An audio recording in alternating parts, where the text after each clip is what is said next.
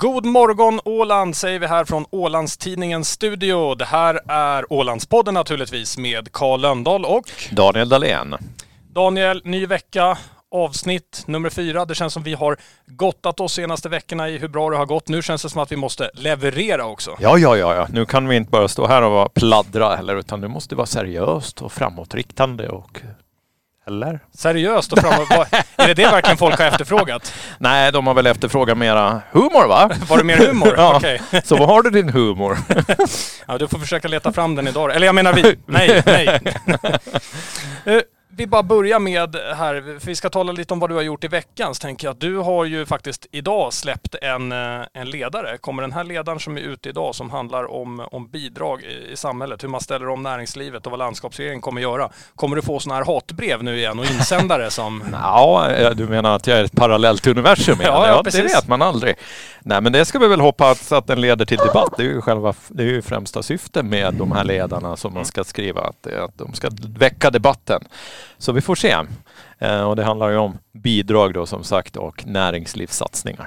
Mm. Mm. Vill du gå lite mer ingående i det? Ingående? Ja, nej men det är väl så att jag tycker att vi har inte sysslat med någon näringslivspolitik överhuvudtaget på Åland sedan vi övertog behörigheten i mitten av 90-talet. Okej. Pang! Mm, okej.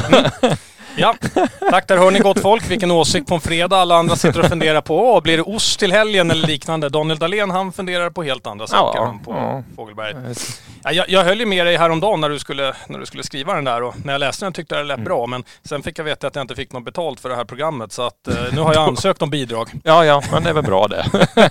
men vi pratar ju, bidrag kan vara bra bara man har skalbarhet i sitt företag. Att Ja, det går det att här- växa. Vet Det här är skalbart för jag skrev i min ansökan Mm. att det här är på grund av liksom både mig själv och min familj Mm. och min släkts åsamkande psykologiska lidande för att jag måste vara i studio med dig. Ja, förvisso så, men å andra sidan får du väl utlopp för ganska mycket eh, verbal, vad ska jag säga, masspsykos eller någonting liknande. Ma- masspsykos? Var kom den ifrån? ja, jag. Masspsykos? Masspsykos i verbal eh, Ja, visst, är det Ja. zombies som sitter ute i Ja, jag redaktionen? tror det. eller? Ja, man vet aldrig. Man vet aldrig.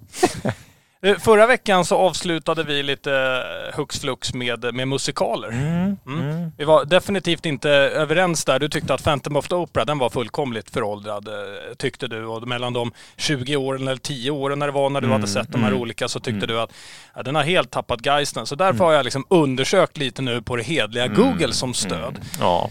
Kan vi bland annat då säga att New York Times de ger rekommendationer till vad man just nu ska gå och se som musikaler. Där rekommenderar ju de Phantom of the Opera. Din favorit, Jesus Christ Superstar, är ju då inte med på den listan. Går man till sajten eh, Ranker där tusentals människor har röstat i vilken är den bästa musikalen genom tiderna så kan jag ju då eh, säga att Phantom of the Opera är på en hederlig plats fyra. Förmodligen hade den varit etta om det inte har kommit två rätt stora musikaler de senaste tio åren som folk helst röstar på. Jesus Christ Superstar som du nämner är på plats 29 Mm. eh, på den här listan. Den är liksom ganska långt ner. Och det här får ju mig då att tänka att då har jag liksom två teorier till varför du älskar Jesus Christ Superstar så mycket. mm. Den ena är då, är det så att du själv har satt upp Jesus Christ Superstar här i, någon, i något garage Ja, bakomliggande här och spelat Mm, den? Mm, mm. Nej, alltså det roliga är ju att det är samma författare va? Ja. Det är det ju. Så att det... Andrew att Lloyd du-. Ja, Mm. så vi står ju här nu och bråkar om vilket verk han har gjort bäst va? Mm. Ja, okej. Jag tycker att det är väldigt intressant att han har gjort Jesus Christ Superstar. Jesus Christ Superstar. Han var inte ens myndig när han skrev den. Är det så? Det Ja. visste jag inte däremot. Så Jag det är ju jättespännande att Mm. han kunde göra den på det sättet. Sen är det ju otroligt starka 70-tals hårdrockslåtar i den. I den och jag gillar ju 70-tals hårdrock. Gör Mm. jag. Sen är det väl som där då. New York Times, mm, okej. Men du frågar du så får du väl svaren då. Som du frågar får du svar va? Ja, ja, men jo, det är ju det är enkelt att argumentera så när man inte har några andra motargument. Vilket leder mig till min ena fråga var ju, är det så Men att du, du, har du gillar alltså 90-talssyntar du? Ja. 90-talssyntar? Ja, Vadå, Phantom of the Opera Ja. gjord på 80-talet? ja, men det är 90-tals, det är en sån här Yamaha DX7 där då, som ligger och spelar i bakgrunden. Ja, ja, för jag tror att Ja. publiken här sitter och funderar vilken Yamaha-utrustning använder han? Man lyssnar Ja, det på gör man väl. För vi och pratar inte. kvalitet här. Vi pratar inte någon jädra underhållning heller. Kvalitet och vi står med de här två poddmaskinerna.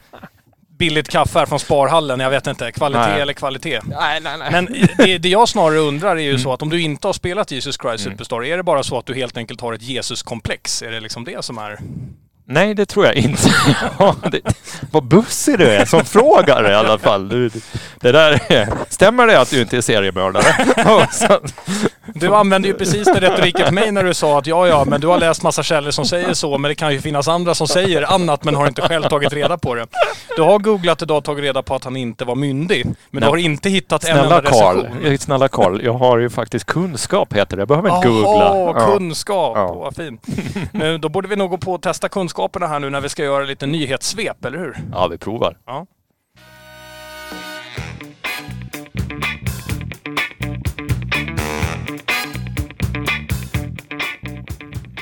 Ja, I veckans nyheter så kan man säga så här att det är faktiskt en som har konkurrerat med frågeställningen om budgeten den här veckan. Mm. Ja, det, det är faktiskt en som har tagit lika mycket tid i eten och det är ju ingen mindre än Bror Yngve, kallad Bobo Johansson, som det jublades för i, i veckan här när han fick motta pris och allt möjligt. Jag personligen som har legat kanske 40-50 gånger i Kastelholms gästhamn känner ju de här väl och kan ju säga Mm. att det är också Ålands bästa gästhamn. Så jag förstår inte hur han, hur han hinner med denne man. Men Mm. Vad innebär titeln som de kallar honom för att han är deras, han är Sunds skolmorfar? Vad, vad är en skolmorfar då? Det är inget koncept vi har i Sverige kan jag lova. Det är inte nej. nej men det, jo, men jag tror faktiskt att ni har det på Va? vissa ställen. Eller farfar eller mormor eller vad det kan vara. Jag tycker att man har sett det på annat håll också. Nej, men, och det är väl det där också att du är guld värd fick han ett paraply Ja. med. Så ett stort paraply och, och han hade inte trott det här då. Men det handlar väl om att de vuxna som är närvarande väldigt mycket i skolan. Och, och det behövs ju allt möjligt i allt större utsträckning tyvärr. Och i skolorna är ju ganska, även om vi har på Åland väldigt fina skolor så är det ju en miljö där det händer ganska mycket också. Även på vår tid när vi gick i skola också. Så det behöver ju vara mycket vuxna närvarande. Så det är otroligt viktigt tycker jag. Mm. Mm. Vad har du att tänka då? Att han inte... Jag trodde du skulle avsluta med ett grattis. för Ja, grattis! ja, ja, jag trodde inte vi var där ännu. Ja. Jag tror... Jag tänkte att du förklarade vad han har gjort. Du har förklarat Nej men priset, absolut. Och vi kan väl faktiskt säga nomineringen som skickades in då av Sunds Hem och Skola förening. Så för det var de som nominerade. Så, så sa de som så att Bobo är Sunds skola som extra stöd för eleverna en eller flera dagar i veckan. Han hjälper till med allt möjligt. Allt från matematik till träslöjd. Musiker är han sedan gammalt. Så hans trumset kommer med jämna, jämna mellanrum till skolan också. Och han är ett bra stöd och hjälp för personalen eftersom han plockar och fixar i de olika utrymmen och skolan och hjälper även till vid julfest och avslutning. Han är guld värd tycker de. Och jag menar på något sätt är det, det här är ju väldigt fina mänskliga egenskaper som alla borde hjälpa till lite mer så tror vi har en mycket drägligare omvärld. Så stort grattis Bobo! Hoppas att eh, du kan smitta av dig Ja, på andra delar av samhället. till fler personer som gör det lilla extra och tar Mm. ansvar. Jag läste för övrigt en ganska rolig eh, rubrik här i, eh, i tidningen. Ser stor potential för, för Brändö. Och då är det Brändös nya kommundirektör här, herr Mattsson, eh, som säger så här. Jag ser massor av potential eh, för kommunen att växa. Så tänkte jag bara så här att det är ju en jättefin kommentar. Det får man ju verkligen hoppas eftersom man har blivit vald till det, att det är det han tänker. Man får ju hoppas att det inte är tvärtom. Men jag ser en stor avvecklingsplan. ja. ja, med tanke på hur många kommuner bor Ja. så, så kanske det hade varit också ett, ett svar. Jag var faktiskt på en presentation för, Mm. för några år sedan och då stod det redan klart bakom kulisserna att det här initiativet som den här personen jobbade med, det skulle Mm. läggas ner. Och det visste han också. Men Ja. han fick inte säga det publikt så han stod inför, kan ha varit, 2 500 personer. Så hade alla med sig en talande bild så här, för vad, vad ser du framför dig kommande två åren? Eh, Och då hade ju alla liksom, ja, jag har Stålmannen, Godzilla och du Ja. vet alla sådana här liknelser som de kunde komma med. Och han kom upp och hade en struts med huvudet i sanden. Låtsas som ingenting. Oj, oj, oj, nu kommer du få många arga Brändöbor efter dig. Ja, det, det, men det var ju inte om Brännö jag talade om här. det var inte det, nej. Det liknar bara med strutsen. Nej. Jag liknar inte det med strutsen min herre. Det var en- helt annan sak som jag var med på. Brännö är dessutom jättefint vill jag bara säga. mm. Okej, ska vi hoppa vidare?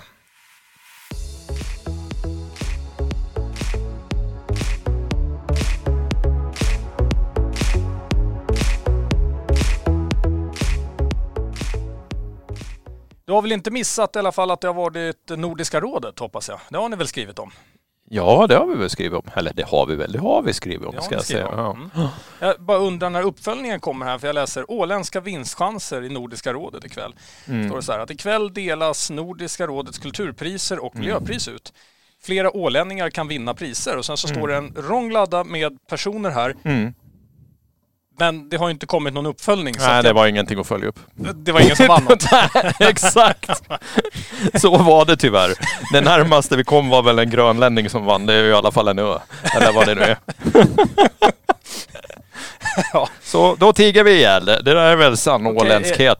Är, är det så? Alltså, så det är därför ni inte har skrivit något om det. är bara ingen vann så det är helt ointressant. Nej men då är det alltså. ointressant. Finns Ja. det ingen Ålandsanknytning längre? Så, nej men det kommer säkert som en notis att det inte blev någon vinst. Någon notering efter nu att jag har ja, sagt det. Ja, ja, vi måste ju bli tvungna nu. Kommer här med dina Stockholmsfasoner. Okej, okej. Du, vad, vad tänker du när du har hört det här om, eh, om tävlingen som ska vara idag då, om Sunds bästa köttbullar? Bästa köttbullskock ska utses. Är den riggad den tävlingen? Ja, riggad, men det känns ju som att det är ju för invites only som personer har fått komma dit. Det är ju inte så att du och jag får åka dit och göra köttbullar. För jag lovar dig, kommer de till Mariehamn, då utmanar vi dem. Mm, det är definitivt, det gör vi. Det kan jag lova dig. Och vilka är det nu då? Det är Krille Mattsson va? Det är Matte Ekholm och tillsammans med, med några andra va? Mm. Eh, Susanne Eklund eh, och en hemlig gäst säger de. Ja, kan det vara Micke Björklund? Ja, det var ju det jag tänkte direkt också. Kan, kan det vara han? Eh, Så att vi känner ju egentligen nästan hela ligan här. Ja. Eh, Dessutom har jag blivit inlurad att köpa ett storpack av dem för 40 euro som jag ska hämta imorgon men kan inte vara där. Eller hämta idag då. Kör du är med din elspark då? Ja, jag tar med elsparken ut dit vet du. Men du, vad, eh, om vi ska utmana dem i någonting, vad är din bästa rätt?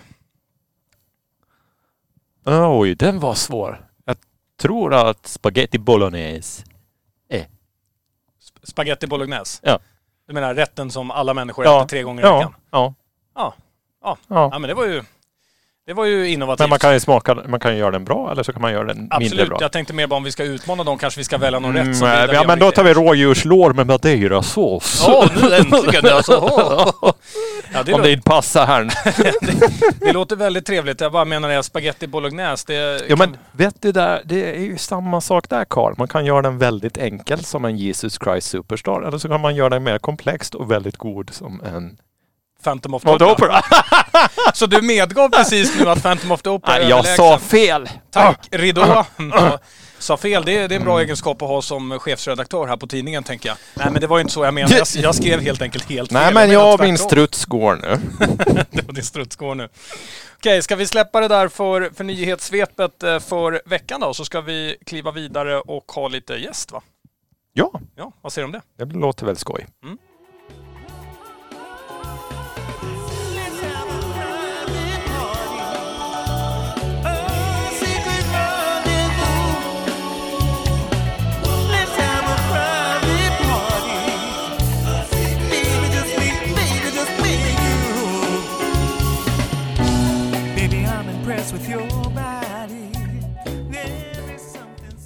Då hälsar vi välkommen till veckans gäst och det är ingen mindre än Sandra Widing som är redaktionschef här på Ålandstidningen. Välkommen till Ålandspodden. Tack så mycket. Eh, Daniel har ju velat haft med dig här sedan absolut första sekund i programmet. Så vi Men är... du har sagt nej eller? Nej, jag har inte sagt nej. Och vi- Vilken bild har du sålt in till folk här Daniel? om Den mig sanna bilden Karl. Den sanna bilden. En dryg person från Stockholm, Ja, eller? korrekt. Som styr programmet över dig som chefredaktör. Ja, ja, definitivt. Och, och, och gör narr av mig som person. Gör, gör narr av mig. Okej. Jag är jätterädd att vara här nu. Du är det? Ja, precis. En stockholmare ska komma och säga vad jag ska göra. Är det här kanske varför alla gäster eh, har hört av sig och sagt jag kan inte just den här Nej, veckan. exakt. Jag måste läsa in mig och förbereda mig. Det är alltid så när du hör av dig. Kanske jag ska höra av mig istället. Det kanske får bli så Daniel. Men Sandra, det vi tänkte att vi ska diskutera idag det är hur man jobbar i en nyhetsvärld här på Åland. Det är ett jätteannorlunda klimat. Jag tänkte bara gå tillbaka till att eh, precis innan vi startade programmet här så berättade du om att du har ju jobbat i, i Stockholm också. Skulle du vilja jämföra klimatet att jobba i nyhetsbranschen i, i Sverige eller Stockholm då, då och här? Jo, men absolut. Och, och det, är, det är ju vitt skilda världar. Alltså här är vi som, som lokaltidning så är man extremt nära sina läsare. Mm. Eh, Du, du träffar de du har skrivit om, deras vänner, deras bekanta, familjer. Eh, Du kanske bor på samma gata som dem, man har barn på samma dagis, man träffas i butiken och sådär. Så det, vad ska vi säga, man, det måste man kanske ta ett, inte hänsyn till, men man, man tänker ändå på det när vi, när vi gör journalistik, att, att eh, vi lever väldigt nära våra läsare och de vi granskar. Mm. Eh, jobbar man i Stockholm till exempel på en rikstäckande tidning så har man ju en otrolig distans Ja. till människorna man skriver om och även till sina läsare. Men, men gör också den här, den här lokala delen att det är svårare att vara objektiv eftersom man känner personen i fråga. Är det vanligt att ni exempelvis måste byta ut journalisten som sitter med för den personen känner den här individen Mm. och så. Det Ja, måste ju vara en visst. utmaning här tänker jag. Absolut. Absolut. Det händer ju Jo, jo, jo. väldigt ofta. Väldigt ofta. Att man säger, eller att journalisten säger nej tyvärr jag kan inte skriva om det här eller att vi konstaterar att vi kan inte skriva om det här. Jag kan inte fatta beslut om vissa företag Mm. för att jag har kopplingar till dem Nej. och samma med Daniel. Och Ja, då, får man helt enkelt eh, lägga det ansvaret på någon annan. Vi är ju flera stycken här på redaktionen som, som är med och styr upp hur tidningen ska se ut. Ja. Så då har vi nyhetscheferna eller Mm. Så vill man inte ha dålig media så gäller det att se till att ni alla har koppling till det bolaget man själv har. Nej, det kommer inte att löna sig ändå för då hittar vi någon annan som kan skriva Det är istället. alltid så. Det Ja. finns alltid någon. Mm, Mm. Blir man, ehm, eh, jag tänker bara nu att när ni väl skriver, för ni måste ju ändå släppa ett visst material. Tänker också att det är så att ni får stå till svars antar jag för allting som skrivs i tidningen oavsett om ni har skrivit eller inte med tanke på era tjänster? Ja men definitivt är det så. Jag tror att både Sandra och jag har, det är liksom så vi, vi står som ansvariga. Jag står som ansvarig utgivare och du ansvarar för redaktionens dagliga arbete. Så det är klart att vi står och faller på det sättet också med en produkt som vi levererar varje dag. Mm. Men det får man väl se som vilken dirigent eller, eller, eller vad heter det, tränare för ett fotbollslag som helst. Att, att man, det är, man, bär, man bär ansikte utåt helt enkelt. Och, och sen får man göra det bästa av det helt enkelt. Mm. Sandra, har du utstått eh, hat någon gång när det, i ditt arbete som, som du gör? För jag tänker verkligen att det är, det är hedervärt att jobba med precis det ni gör och med rapportering. Men om man känner alla eller känner alla i flera led och så, det kan ju vara utmanande. Är det någonting du har varit med om någon gång? Jo, alltså åtskilliga gånger ska jag säga. Um, det har varit folk som har varit besvikna, um, ledsna kanske, känner sig orättvist behandlade. Uh, men jag har också fått direkta hot. Mm. Um, på den tiden som jag var reporter, det är Ja. ganska många år sedan nu, eh, så bevakade jag tingsrätten Ja. eh, väldigt ofta, eller det var mitt bevakningsområde under ett antal år. Och då, fick det nog då slutade det med att jag fick ta bort mitt nummer ur telefonkatalogen för folk ringde hem Mm. och var otrevliga. Alltså det var på den tiden man hade, alla hade hemtelefon. Ja. Och, ehm, mm, så då, då kunde det vara rätt obehagligt faktiskt. Alltså just det där att det, det kändes och jag blev lite rädd faktiskt. Ehm, men något sånt har inte förekommit på länge tycker jag. Skönt. Så Ja. det blir bättre, det är uppfattningen Daniel? Ja, både och ska jag säga. Mm. Alltså kanske inte direkta hot även men den allmänna, allmänna samhällsdebatten är ju ganska hård och hårdragen. Det är så hårda skiljelinjer. Det är liksom i den där acceptansen för att någon annan har en annan åsikt. Så det finns inte kanske alla gånger på samma sätt som det har gjort tidigare. Och, och eh, nivån för vad man får säga och inte får säga justeras hela tiden åt ett visst håll. Och det är tyvärr inte till det bättre utan till det mera negativa. Så både och ska jag säga. Alltså inte, inte, inte har vi på det sättet en, en, en hotbild på det. Det har vi definitivt inte. Men, men, nej. men eh, journalister utsätts nog för en hel del påtryckningar av olika slag. Och, eh, och hot, förtäckta hot oftast. Det är ju så. Ja, och kommentarer. och Alltså, och, och det kommentarer. vi vill ju att folk ska tycka till om Ja, vårt jobb. Alltså, det det är är därför vi definitivt. finns. definitivt. Och det är klart att, att det är kanske enklare nu än vad det var då för 20 år sedan att, att skicka iväg ett litet mejl Ja. och vara lite smått förbannad och skriva i Mm. affekt och sådär. Eh, för, om vi pratar förr då, så, så krävdes det kanske att man måste ta upp telefonluren och, Mm. och då var det Mm. steget lite längre. Ehm, eller så kommer man i fyllan på krogen och säger att du, Mm. det där var inte så jäkla bra. Ehm, Ni kanske får Ja. gå i exil med mig till någon annan så småningom. Jag vet inte. ja, mm. Ja, jag vet inte. Eller så kan man väl bete sig som folk då. Nej, Det är ju ett alternativ. det är ett alternativ. Ja. Nej, men alltså, Men känner ni någonsin att det är så att eh, ni känner sån påtryckning att ni medvetet skulle välja att skriva någonting annat? Nu menar jag inte ljuga i artikeln, nu menar jag alltså att man väljer att utelämna saker eller att inte publicera någonting för att man känner att det finns ett sånt tryck. Nej, då tror jag inte att varken Sandra eller jag skulle sitta här heller. För Nej, då, då, då, att har de- vi svikit de, det uppdrag vi har. Så det betyder att ändå så fungerar ju då den grundläggande demokratin, det vill säga att ni kan Mm. yttra er helt fritt så att säga. Men det är jobbigt. Ja, och vi måste ju ha på fötterna för det vi gör. Alltså vi måste ju kunna motivera varför vi har valt att fatta ett, eh, em, vad ska man säga, ett, ett ett jobbigt beslut eller ett varför vi gör en viss publicering som vi vet att kanske någon kan ha väldigt starka åsikter Mm. om. Eh, Men så länge vi har torrt på, torrt på fötterna så tycker jag att Mm. då är det okej. Och vi, vi diskuterar jättemycket på redaktionen också sinsemellan, inte bara Daniel och jag, utan också nyhetschefer och den reporter som har skrivit en text och fotografer och redigerar. Liksom. Mm. Vi, när det är kniviga frågor och beslut så, så är vi många som snackar ihop oss. För det finns kanske inte alltid givna svar. Nej, och samtidigt så tycker jag att många gånger så handlar det ju om att när en person eller någon har gjort någonting som man tycker att som man är kanske inte så där jättestolt över. Men istället för att rannsaka sig själv då så går man gärna och, och vill eh, häva det ena och det andra på journalisten som rapporterar om vad som har hänt. Att Mm. det, man måste ju alltid komma ihåg att vi rapporterar, vi är ju inte vi som utför handlingen heller.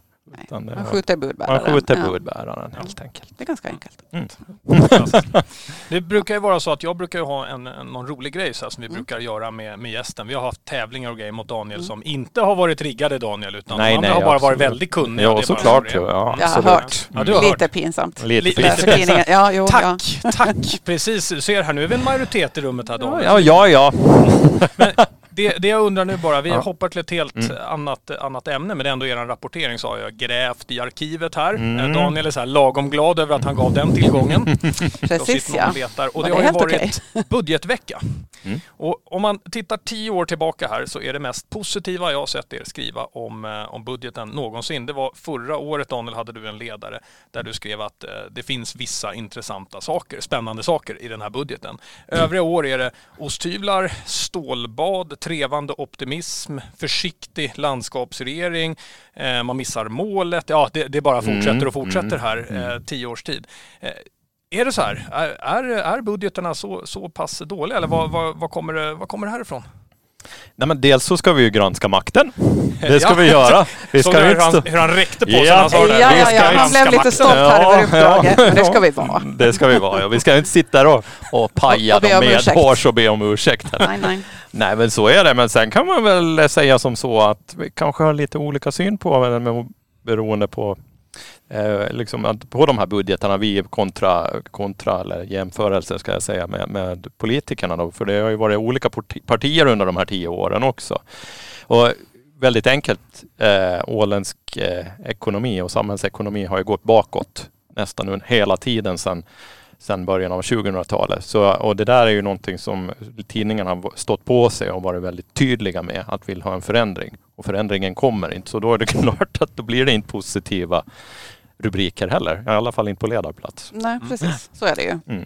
Vi ska ju tycka till. Ja, det är ju Ja, det så. vore jäkligt tandlöst om vi stod där varje år och sa ja men bra jobbat, jättefint att ni fick ihop en budget trots att ni har det så tufft. Mm. Vad Det är duktiga ju ni är. intressant Vad läsning för är. någon. Vad fina ni är. Ja, precis. Ja. Var det precis där vi talade om tidigare, att det är ingen som ringer och hör av sig och säger vilket bra jobb ni gör Ålandstidningen. Man hör bara när, det, när någon har någon åsikt om Ja, men ofta är det ju så. Så är det med väl Så. allt Hur- här i livet. Hur tror du eh, Sandra att de, att de känner politikerna när de vaknar? Det måste ju vara 14 roliga dagar där sista veckan oktober och första i november och bara åh, ny morgon, sträcker mig ut, tar morgonkaffe. Ska man läsa tidningen kanske?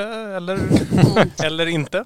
Exakt, säkert är det så de tänker och så känner de sig totalt missförstådda, Mm. gissar jag. Mm. Det här var ju inte alls det de ville för de har ju slitit sina hår och, Mm. och tjänstemännen lika så liksom under x antal månader. Mm.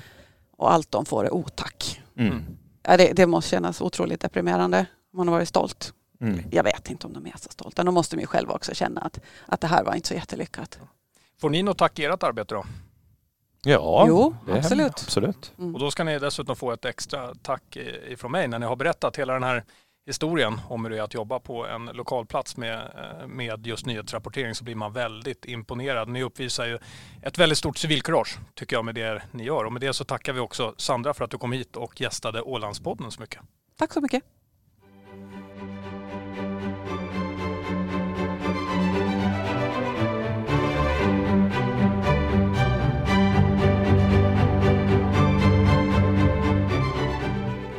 Då backar vi lite i de åländska historieböckerna här Daniel igen. Vi har varit i tidningsarkivet. Mm. Mm. Och går att läsa så här, det här är 2 november som det här då går att läsa 1921, så vi är ganska på pricken här, Mm. 100 år tillbaka, Mm. lite mer än 100 år. För det första står det så här, Ålands neutralisering ett fullbordat faktum. ingen finsk militär på Ålandsöarna. Mm. Ganska coolt. Mm. Sen precis under den så står det en, eh, en notis om, eller flera, det är, det är till och med flera annonser här i, i tidningen om den svenska dagen.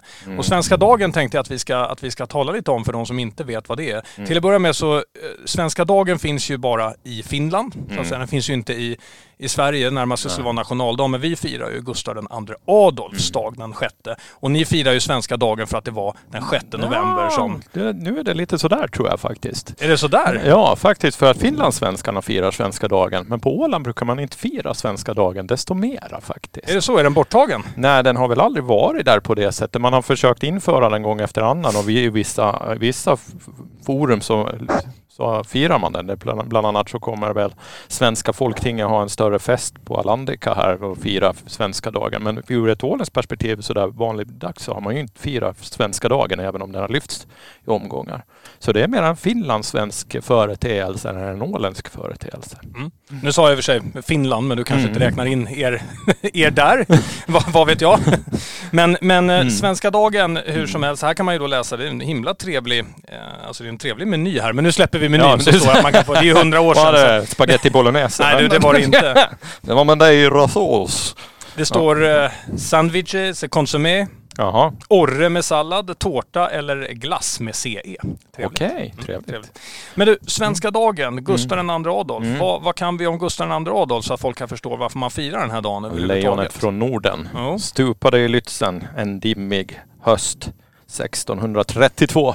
Ja, stämmer alldeles fint det. Ja. Mm. Utanför dagens Leipzig faktiskt. När han stred för protestanternas ära mot de katolska papisterna. Mm. Ja. Det roliga är att man inte Mm. har någon aning om fortfarande varför han gick med i kriget. Det här har det ju spekulerats Mm. enormt om bland Mm. historiker, för det finns ju inga dokument kvar. Nej.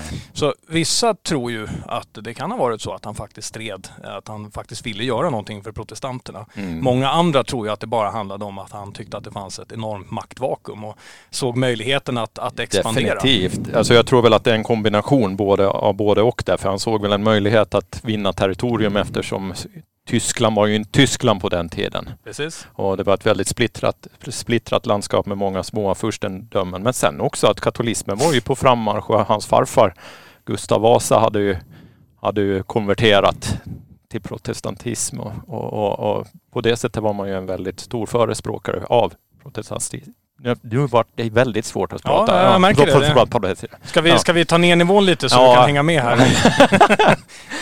Ja, nej men det, han, så på, eh, ja, alltså så katolicismen var ju ett hot och då ska man komma ihåg att katolicismen var ett hot också mot kungahusen i, runt om i, i Europa på den här tiden också.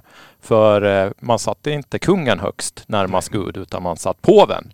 Och det var ju någonting inte en kung ville ha som ville ha absolut makt. Man kan väl enkelt beskriva det som så här att de som Mm. först hoppade till protestantismen såg ju en klar fördel i att helt plötsligt rapporterade ju kungen till Gud. Definitivt. Och plötsligt så blev hela liksom, kyrkans egendom ens egen mer eller mindre. Exakt. Ja. Det är ett incitament nog. Mm. Hur som helst, 1628 då ger sig Gustav II Adolf in i 30-åriga kriget Mm. och landstiger dem nere i Tyskland. Han avlider några år senare, Westfaliska freden som då gör att vi får bland annat svenska Pommern och så Mm, vidare. mm. Det är ju långt, långt senare, 1648 48, ja. om jag Ja. inte minns helt fel. Men nu kommer då det roligaste. Om vi hade åkt tillbaka Mm. 150 år i tiden och nämnt namnet Gustav II Adolf, hade någon vetat vem det var? Nej. Nej, och varför är det så? Nej, för han är ju Gustav den store. Ja, fantastiskt roligt det här, Mm. eller hur? Ja, definitivt. Det är alltså så att jag tror att det är 1634 så döper Mm. alltså svenska riksdagen då, Mm. den som vi idag kallar Gustav II Adolf, döper man till Gustav den store på grund av hans, hans bragd. Och Mm. om man tittar på vår nordiska historia så har vi ju ingen större krigarkung. Man kan nämna Karl XII här, Ja, men, men det är bara så att han slogs mot dåtidens, bland dåtidens största makter, alltså Mm. Habsburgarna, Österrike, Ja. eh, Holy Roman Empire. Det var där han var och slogs. Ja, Så han var på en internationell scen. Och då döpte man honom till Gustav den store. Men det här passade sig inte riktigt sen när man skulle börja ändra lite i hur, hur Sverige ska, Mm. ska ses. Och Gustav den store låter ju som ett krigarnamn om inte Mm. annat. Mm. Så då valde man faktiskt att man, i, man skrev helt enkelt bara om namnet. Man har inte döpt om honom. Nej. Men man skriver om hans namn idag till Gustav II Adolf för att det ska passa in. Och han var ju trots allt en stor krigarkonung också för man ska komma ihåg att det var han, han gick ut i fält själv. Ja, Det var så han stupade också till skillnad från många andra konungar som inte gick i bräschen för sina arméer. så gjorde han det på ett helt annat sätt. Du, du menar som under första världskriget när eh, kommendanterna mer flyttade sitt eh, whiskyskåp eh, en mil närmare eller längre bort från Paris fram och tillbaka. Exakt, exakt. Han satt där och drack sin champagne. Nu, Då ska vi faktiskt hoppa till något som både är aktuellt i, nu i helgen men som också har en historieanknytning och det är att det öppnar en utställning nu i helgen, eller hur? Mm. Mm. Definitivt. Vad är det för utställning? Ja men det är en utställning vid Ålands konsthistoriska som kommer ut med litografier, en förstoring av litografierna på, på, från eh, Bomarsund och Krimkriget då. Yes. Ja, De är jättehäftiga på bild de här Mm, så att jag mm. kommer inte att missa att gå och titta på dem. Det kan jag säga på en gång. Nej. Men du, Krimkriget då? Eh, Här kanske många känner ju naturligtvis till att det har varit ett slag vid, vid Bomarsund. Men den stora politiska konflikten, vad var det i Krimkriget? Då? ja det stora politiska egentligen avgörande frågan där. Det var ju Osmanska riket och Rysslands förmodade utbredd... De försökte breda ut sig helt enkelt. Ja. ta sig an Indien och, eh, och eh, den del av Asien där britterna var och där ville ju inte britterna ha några ryssar heller. Nej. Så det är där egentligen själva startskottet går men du har också en konflikt kring mellan Ryssland och Osmanska riket gällande de här, de här heliga platserna Mm. egentligen, det vill säga runt Jerusalem och där. Så det finns en massa olika konflikter i, i grund och botten men, men slutligen, syvende och sist så handlar det väl som vanligt om kungars maktbegär. Ja. Och inte så mycket annat. Och det var, det var ganska mycket aktivitet här uppe Mm. i Östersjön under det här kriget faktiskt. Mm. Det är en av de sista gångerna vi verkligen har där egentligen samtliga nationer Mm. här runt omkring på Mm. ett eller annat sätt blev ordentligt involverade. Ja. var faktiskt Krimkriget. Men det största krigsskådespelsplatsen var ju ändå på, på Krimhalvön och Definitivt. låg väl under belägring, jag vet inte, Ja. halva kriget, hela kriget. Så är det. Och det man glömmer bort kanske också på Åland, för att ja, Krimkrig är ju jättestort på det sättet för Ålands del eftersom demilitariseringen kommer därifrån Mm. och vi har Bomarsundslagen och allt möjligt. Och, och under den här tiden så bodde det väl i 900, av 900 åländska hemman så bodde det ryssar i 700 av hemman, alltså ryska soldater. Så det Ja. fanns en väldigt stor inverkan på det åländska samhället.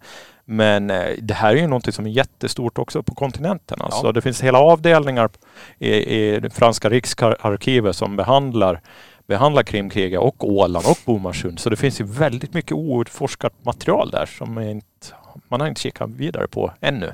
Det skulle ju vara jättekul att, att titta på. eh, man Definitivt. säga Spontant. Jag ska säga också att Krimkriget här är ju alltså en, en upprinnelse till, det här är ju under en period när Mm. de stora makterna tar de sista stegen mot varandra som egentligen delvis avslutas i andra världskriget. Ja, så är det. Eh, Och efter Krimkriget så kommer ingenting bli sig likt. För det är visserligen så att Preussen är ute fortfarande och slåss Mm. i i Europa här några omgångar till. Men det som nalkas upp här från Krimkriget och allting det är ju till slut första världskriget. Där de här, Ja. några av de här nationerna och imperierna helt försvinner. Och tysk-franska kriget som du har däremellan också med kulsprutans första smattrande slag. Sa han med brinnande Ja. ögon här i studion. Du, före, du föredrar när kriget fick kulspruta? Jag föredrar inte några krig alls, Karl. Nej, Nej. Ska vi gå vidare till ordentlig helgspaning då? Ja,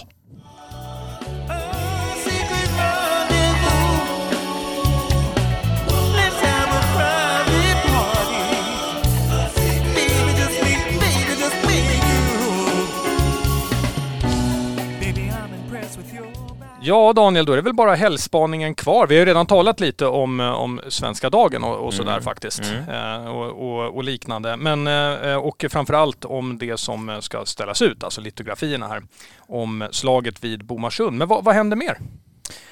Nej men det händer väl en hel del. Eh, bland annat så har vi ju halloweenfesten på Kino som kommer Åh! vara i helgen. Äntligen, den som man trodde var förra helgen. Ja, som borde varit förra helgen Ja. va? Men den, den kommer liksom allhelgona istället. Är det nattklubb då också så det är öppet sent här nu eller? Vad? Nu är det väl öppet sent där ja. Ja. Och så är det lite, har de väl lite utlottning vem som har bästa, bästa utstyrseln va? Bästa utstyrseln. Mm. På, på tal om det, Mm. gick, gick ni när ni halloween, var ni här i stan eller var ni ute på vischan eller vad var ni? Vi var i Jomalanejden och i staden. Okej, så ni, ni jagade godis överallt eller? Jag Ja, har aldrig, det- aldrig faktiskt sett något liknande. Ja, alltså, det det, hela gatorna var ju bara fyllda av, av Ja. barn. Jag, jag fick ju handla godis i tre omgångar. Okej, Ja. okej.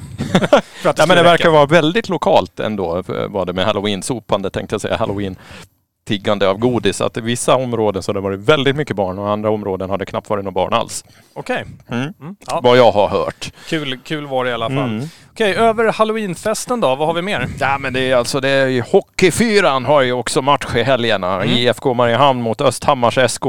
Ja, Spelar i Islandia. Vi har ju så lite sport finns det fast eh, fotbollssäsongen börjar väl rulla mot sitt slut här. Men, Ja. men hockeyn ja det är sätter väl igång lite igen. väntans tid nu för, för vintersäsongen, men hockeyn är igång i alla fall. Mm. Det är kul.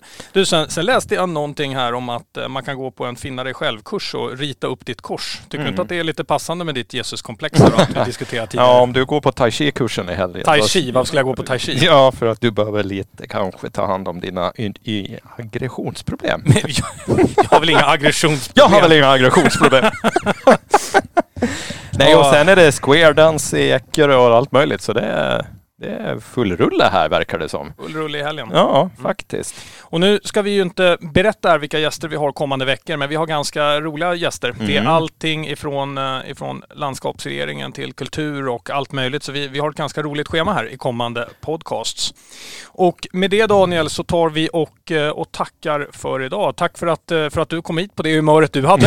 Eh, Tack för att du var positiv och framåtsyftande och eh, hjälper mig att, eh, vad heter det, få en bättre upplevelse av mig själv. ja, ja, tack, du är självförverkligare. Ja, Det låter bra det. Och till alla som har lyssnat så önskar vi er en otroligt trevlig helg på den här fantastiska mittpunkten i Östersjön. Det här är Ålandspodden med Karl Lönndahl och Daniel Dahlén.